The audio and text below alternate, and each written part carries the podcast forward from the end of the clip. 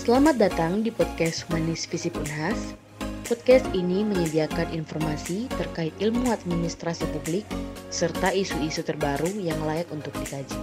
Selamat mendengarkan, salam biru langit, kejayaan dalam kebersamaan. Assalamualaikum warahmatullahi wabarakatuh. Salam sejahtera untuk kita semua. Halo teman-teman. Perkenalkan nama saya Dian Faurasi, perwakilan dari uh, Humanis Visip Unas, khususnya di Departemen Advokasi dan Pengabdian Masyarakat. Uh, pen para pendengar sedang mendengarkan uh, podcast Humanis Visip Unas yang yang notabene-nya merupakan uh, rangkaian dari program kerja dari Departemen Advokasi dan Pengabdian Masyarakat yaitu di uh, Suara Advo.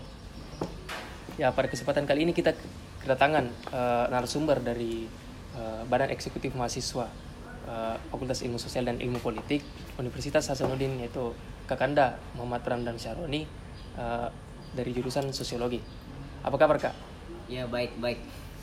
Ya, bagaimana kesibukan selama ini Kak? Tenda sibuk baru kemarin Ji. Oh yang mimbar Kak di? Yoi mimbar. Oh iya, bagaimana itu lancar Ji? Uh, terselenggara Ji secara bagus. Terselenggara Ji. Arji intinya Arji suka dukanya lah begitu. Oh iya ya.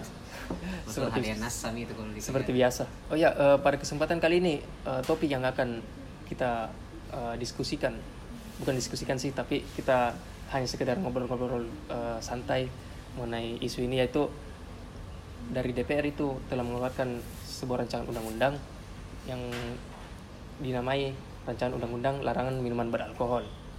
Ya, saya sengaja mengundang uh, Kakanda pada kesempatan kali ini karena mungkin dianggap uh, bisa untuk suka minum alkohol. Tidak. Eh, not, not, not. Ya, mungkin uh, uh, mungkin bisa uh, kita diskusikan nanti mengenai rancangan undang-undang ini karena kita juga melihat Kakanda sebagai uh, mahasiswa yang berpengalaman dalam masalah uh, perundang-undangan di Indonesia. Dan bisa dikaji dari aspek sosialnya. Ya ya kalau bisa kak ya kita mulai saja. Uh, bagaimana uh, mengenai undang-undang ini? Apa saja yang menjadi isinya dan bagaimana pro kontra yang terjadi di masyarakat? Iya kalau secara awamnya tuh uh, dengan mudah kita lihat kalau masuk hal yang, pertama nah, hal yang wajar itu pro kontra tuh yeah. dalam konteks uh, penyusunan undang-undang itu hal yang wajar itu. Sebagai uh, ajang bersilang pendapatnya nih antara berbagai argumen ini. Tapi secara awam ini uh, yang kulihat pro kontra yang muncul ini karena persoalan ada yang suka ada yang suka alkohol minuman beralkohol tapi dilarang gitu yang ini melarang juga tidak jelas tidak jelas anunya uh, dasarnya? landa, uh, dasarnya atau landasannya dalam mengatur dalam tanda kutip orang-orang uh, yang mau nikmati itu alkohol itu. Secara umumnya kita lihat kayak begitu. Iya kalau uh, kalau boleh menginformasikan juga kak ini undang-undang dari tahun 2015 sudah diusulkan. Tapi baru tahun di tahun 2020 uh, diusulkan di tahun di bulan Februari tapi baru direspon di tahun bulan November khususnya tanggal 10 tanggal 10 yang lalu nih. Karena mungkin uh, banyak dari anggota-anggota fraksi partai di uh, yang berhaluan suatu agama itu mungkin ingin cepat-cepatnya ini diusulkan di apa di dikaji oleh Badan Legislasi Nasional agar dibuatkan segera sebuah undang-undang. Oh ya uh, ini dalinya DPR kalau tidak salah. Dia mau uh, membuat undang-undang ini demi menaati ketertiban dan menaati juga ajaran agama. Kan Indonesia itu yang notabene-nya merupakan negara uh, penganut Muslim terbanyak dan juga ada salah satu dari fraksi DPR itu dia bilang uh, yang salah satunya juga dia merupakan pengusungnya ini undang-undang dia bilang bahwa ini undang-undang uh, tidak hanya dia ditaati oleh agama Islam saja tapi banyak agama di Indonesia juga yang melarang akan hal mabukan dan juga minuman beralkohol. Kalau dari kakak bagaimana tanggapan mengenai itu? Sebetulnya tuh uh, yang yang kutrek sejauh ini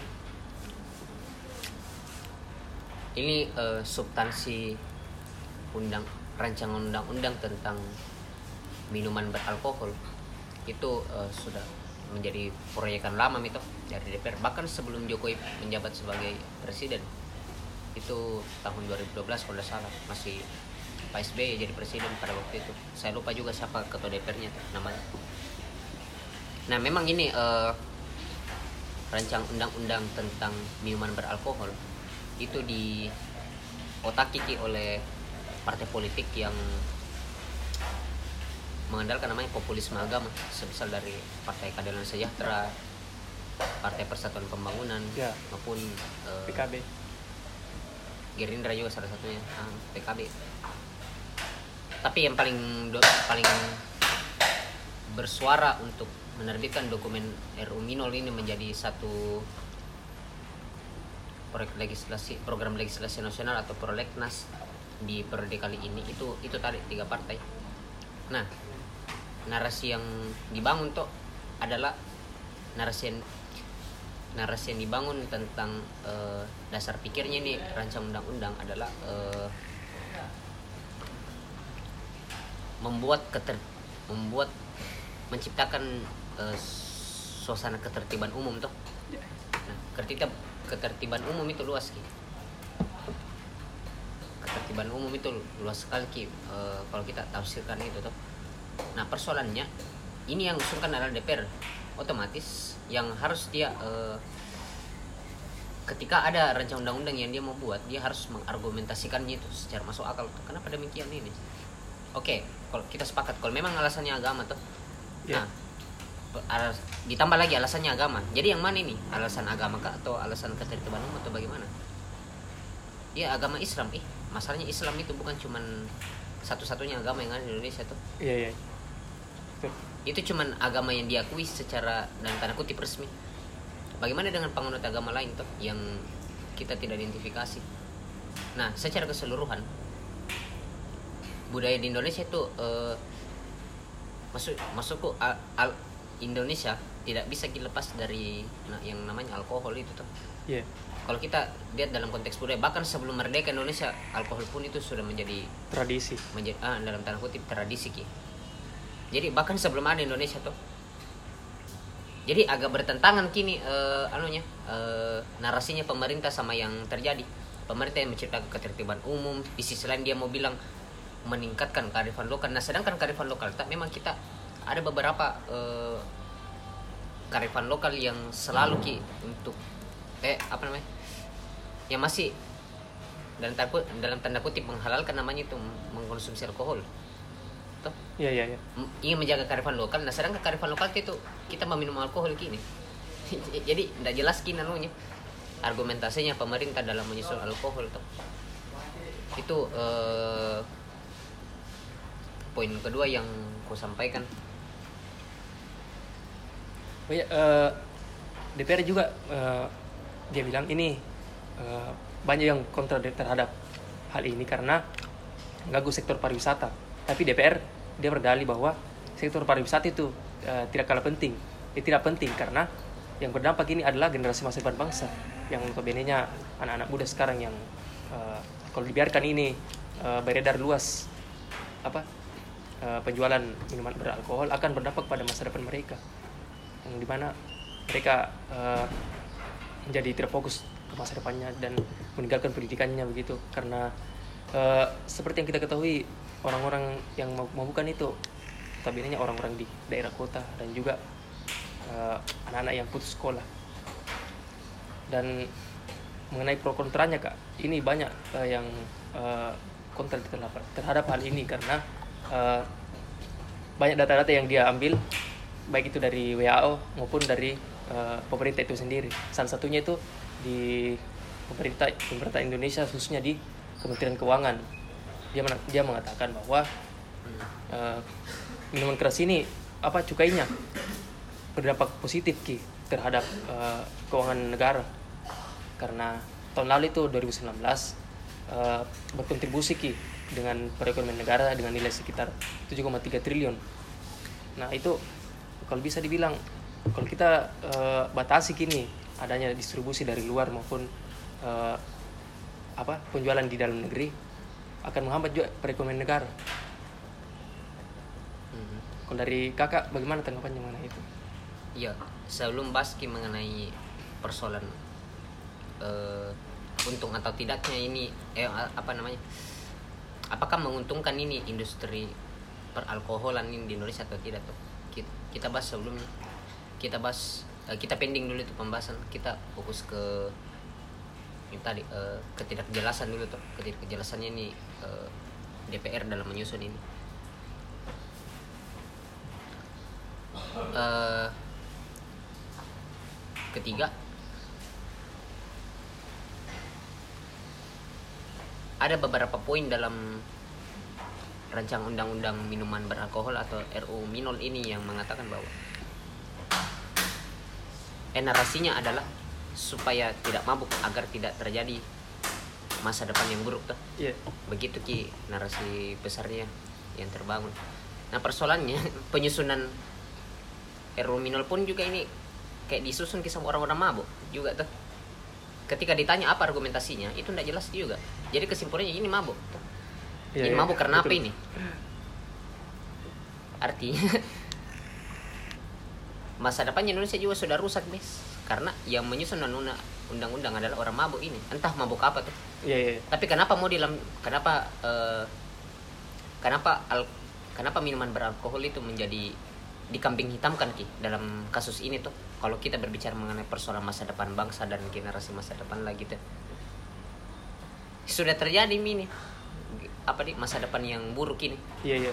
karena undang-undang tadi disusun sama orang mabuk entah mabuk apa nah alkohol pun menjadi anu ya eh, kambing Kambing hitam. kambing hitam dalam persoalan persoalan ini nah nah menurutku terlepas dari anu nak eh, sudut pandang agama ini justru eh, dengan kalau seperti yang dikatakan tadi sama Dian tuh justru alko minuman beralkohol ini punya ki eh, potensi keuntungan tuh potensi untuk meraup keuntungan bagi Indonesia ini.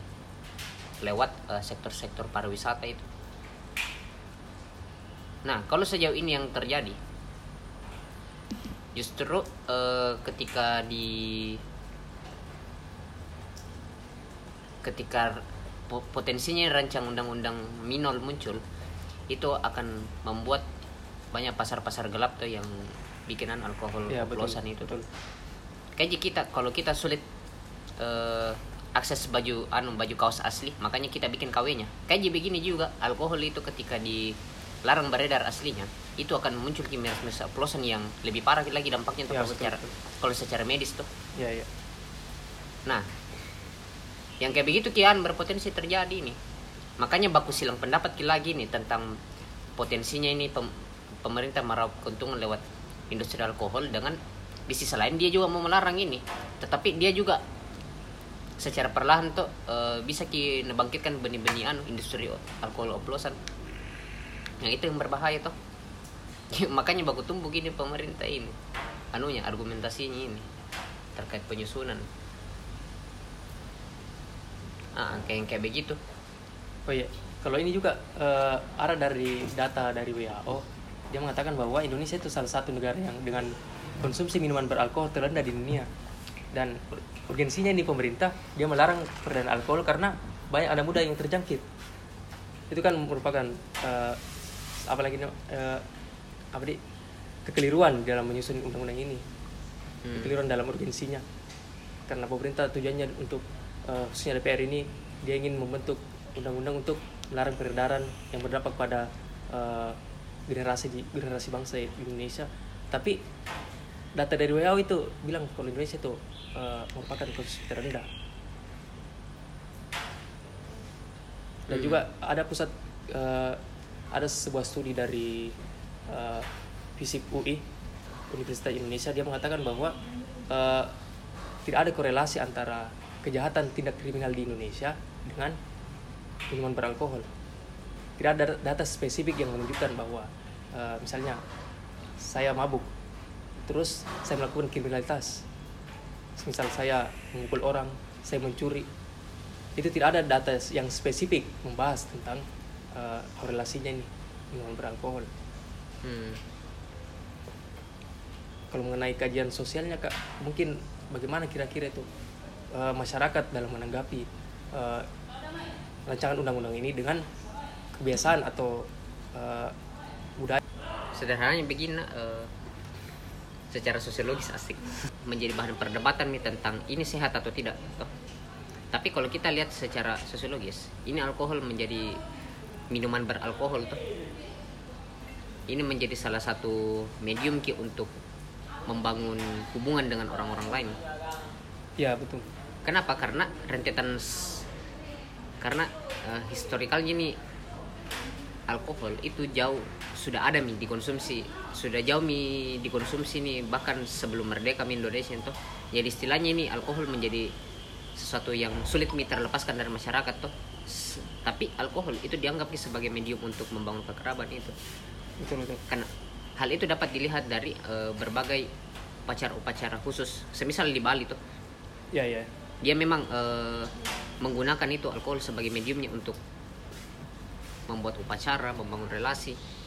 Begitupun juga dengan eh, masyarakat pada umumnya tuh terlepas dari tradisi tradisi tertentu itu dia menggunakan alkohol memang sebagai ajang relasi semisal kayak begini tapi kan minum ki. Eh, siapa nama tak oh iya jadi, iya. jadi jadi anu ki secara jadi- sederhananya. ya secara secara sederhana kayak begitu ki anu ya fungsi sosialnya alkohol tuh kalau medis ya tentu pasti kita berbicara sehat atau tidaknya tergantung dari kadar kadar Alkohol. berapa persen alkohol yang kita konsumsi tuh ya. Tapi kita tidak fokus di situ ki. Fokus ki pada eh, bagaimana ya pemaknannya A- eh, apa makna sosial yang melekat dalam alkohol itu sendiri. Itu pertama. Ya betul. Makanya eh,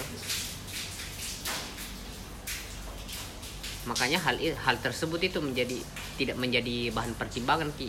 Kulihat nah ketika menyusun Minol ini dengan kondisi yang di mana RUU Minol ini disusun lewat argumentasi-argumentasi yang saling tumpang tindih ya saling tumpang tindih dengan aturan lainnya, saling tumpang tindih dengan kondisi yang terjadi. Masuk realistisnya Indonesia membutuhkan ini alkohol, tapi di sisi lain dia juga melarang. Jadi tidak jelas ini apa yang maunya Indonesia ini dalam pengelolaan toh. Nah, itu pun juga di, di sisi lain tuh sudah diatur mini dalam KUHP pasal 537 sama 53839 bahwa ini tidak di apa namanya? Ini tidak di apa namanya itu? Tidak ada ketentuan ketentuan khusus yang mengatur tentang eh, apa namanya? Yang mengatur tentang konsumsi alkohol ini. Dia cuma dalam KUHP itu cuma membatasi bilang dia tidak boleh diedarkan secara umum. Dia diedarkan secara umum dalam artian toh tidak boleh kita dibagi-bagikan di masyarakat kayak lagi acara kini pada bagi-bagikan kini tuh Ya, di ya, ya. kalau tapi minum kini alkohol tidak. Tapi dia lebih da- tapi eh, KUHP dia konteks ini konsumsi alkohol tapi dalam suasana privat. Semisal lagi acara private kini ceritanya kayak begitu toh. Oh iya. Itu berlaku bagi anak-anak eh, tentara ASN dan sebagainya makanya tumpang tindih dengan isinya ini anu eh, Eruminol yang sekarang itu mengatakan bahwa agama Islam dan agama-agama lainnya itu tidak boleh ki mengkonsumsi. Oh jadi ini dia tidak mengkaji secara uh, spesifiknya lagi tadi dia hanya menggeneralisir istilahnya. Bilang ini minuman, minuman beralkohol ini berbahaya. Minuman beralkohol ini uh, dilarang oleh agama. Minuman beralkohol ini merusak generasi bangsa. Tapi dia tidak melihat apa dampak positifnya? Bukan dapat positif sih tapi uh, apa sisi baiknya dari minuman-minuman ini? Hmm. Maksud kita juga sadar gitu eh, kita tahu batas juga tuh. Oh iya. Kita juga tahu batas dikit dalam konsumsi bahkan saya kau mungkin atau orang-orang lain itu pasti tahu batas di dalam mengkonsumsi nah persoalannya pemerintah mau lebih dari itu. Dia mau angkanya seolah-olah bilang kalau kau minum rokok kau minum seorang pendosa mungkin ceritanya. Iya, iya. kayak begitu kian ya. Maksudnya ini pemerintah yang kulihat lihat tuh jadi kayak seolah-olah kayak Tuhan kayak gitu. Iya, dia iya. mau justifikasi kita bilang salah atau tidak. Karena dia langsung mengutip se- secara langsung nah, agama Islam dan agama-agama lainnya. Kata agama Islam dan agama agama lainnya pun itu juga. Agak ngawur ki juga itu kalimatnya itu. Seolah seolah-olah itu agama lain itu kayak bukan kok siapa-siapa selain Islam. Kayak begitu tuh. Oh iya, iya. kan redaksinya begitu di awalannya. Minuman beralkohol dilarang dikonsumsi atau diedarkan diperjualbelikan bagi pemeluk agama Islam dan agama-agama lainnya. Memabukkan sekali gitu kalimat itu. Karena disusun sama orang mabuk ini ceritanya itu tahu mabuk apa gini Iya, iya. pemerintah ini. Baru kau mau kambing hitam kan alkohol alkohol. Baru di sisi lain kau bilang ini alkohol ada sebagai karifan lokal menguntungkan pariwisata. Justru kalau kau larang ya wajar-wajar saja munculan miras oplosan tuh. Ya, betul. yang sering kau sikat dia anu, berbagai berita itu. Kayak begitu gimana yang terjadi? Karena misalnya kita melarang salah satu hal pasti muncul hal baru yang iya yang kayak begitu bisa berdampak lebih lebih berbahaya. Iya, yang kayak anu sekali tuh eh, mau ki beli merchandise-nya Nirvana yang asli nih Iya, keluaran iya. tahun 90 tapi karena tidak ada makanya orang berusaha untuk bikin kayak aslinya. Makanya muncul itu KW ya tuh, atau botlek. Tuh dan hal Muncul. ini miras oplosan. Ah sama halnya juga dengan miras oplosan tuh. KW-nya alkohol muncul karena dilarang ki peredarannya itu. Sebetulnya sih bukan melarang tetapi memanage peredaran. Tuh beda gitu melarang sama memanage peredaran ya ya Nah, kita ambil contoh saya di Amerika, eh, Amerika, di Kanada semisalnya tuh keberadaan ganja pun itu juga eh, memang dilegalkan, tetapi dilegalkan dalam tanda kutip itu diatur kiano ya peredarannya. Karena orang sadar bahwa ada memang batasannya. Nah ini lainnya di Indonesia adalah dia melarang, tapi dia tidak. Toh, betul seharusnya kau cuman memanage ini anu alkohol ini peredarannya bagaimana? Dibatasi. Mm-mm. masuk ke sadar diri juga biarpun anak-anak ini kalau kita minum begituan deh mau mabuton jadi juga kata iya wajar. Tetapi persoalannya adalah bagaimana caranya di manage kini anu peredarannya? Nah sama halnya itu tadi kemudian di Kanada tuh. Dan juga kalau permasalahan mabuk Kak, itu tidak hanya minuman beralkohol. Tapi banyak juga eh, apa narkotika narkotika yang bisa memabukkan eh bah, makan mabuk agama pun juga ada tuh. Iya banyak sekali. Bahkan lem. sampai dulu. Lem yang digunakan untuk bahan bangunan deh dibuat untuk mabuk. Jadi kayak ngawur kini ngawur karena mabuk kini karena Iya. yang susun gini juga. Orang mabuk. Kayak orang kayak seolah-olah mabuk ini nggak tahu mau apa. Terus kembali ke yang masalah perekonomian negara kak. Yang mengatakan bahwa Kementerian Keuangan itu mengeluarkan data bahwa ini eh, cukai dari minuman beralkohol itu sangat tinggi dan juga bisa dibilang dapat menunjang eh, perekonomian bangsa setiap tahunnya. Dan pada tahun yang lalu itu eh, 7,3 triliun. Hmm. kalau dari kacamata ekonomi luar negeri bagaimana menurut menurut itu?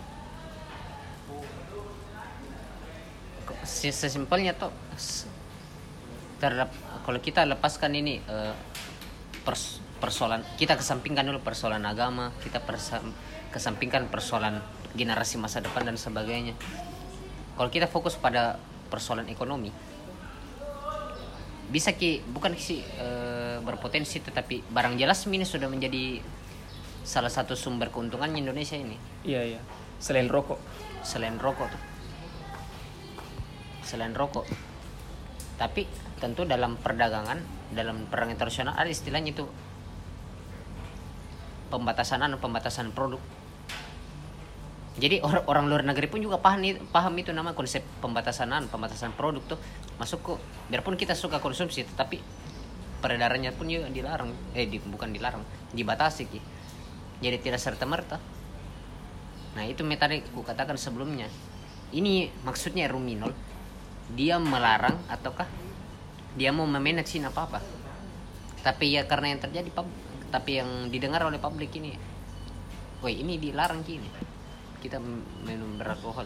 Kecuali tradisi tertentu dan harus piara KTP dan surat deh ketong ki. Ketong menilangin saja. Kayak, ti- kayak tilang moral kini cerita nano alkohol Yeah. gitu. Mau dicampurkan urusan urusan privat sama urusan publik betul. udah jelas gitu. Kayak begitu tapi kembali lagi di personal ekonomi. Itu tadi ya eh, kalau yang dipaparkan tadi sama Dian mengenai eh, data mengenai keuntungannya Indonesia dalam industri alkohol. Arti- yang tahu. Artinya sebagian besar artinya ada beberapa persen ini APBN APBN ini tuh yang Iya. bersumber dari pendapatan anu dipakai dari anu uang alkohol kah jadi haram ki ceritanya di negara tak ini kasarnya kayak begitu. Haram kini semua ini yang dikenakan di negara tak ini karena transaksinya juga haram ala haram. Transaksinya ha- haram baru kamu bikin erumino dia artinya mau kau paling bikin erumino karena pakai duit juga itu erumino tuh iya iya iya. Kan pakai anu juga. Pakai anggaran juga itu. Anggaran negara.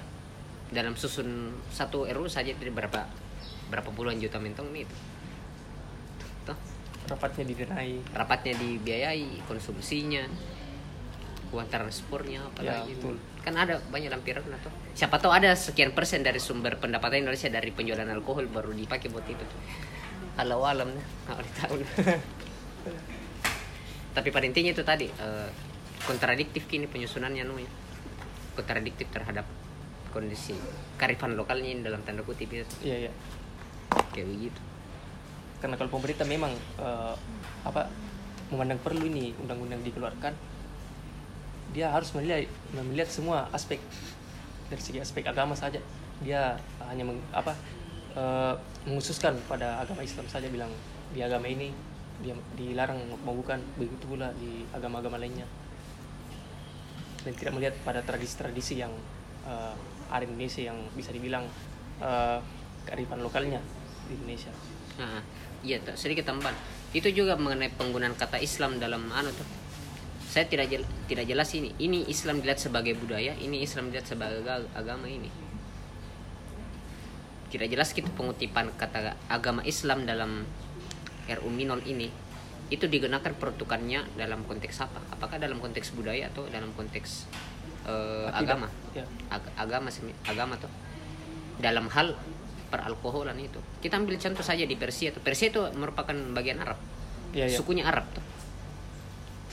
Pertanyaan apakah Islam? Karena di meski eh, ada juga Islamnya tetapi eh, konsumsi wine atau anggur merah tuh merupakan hal, hal yang wajar gitu.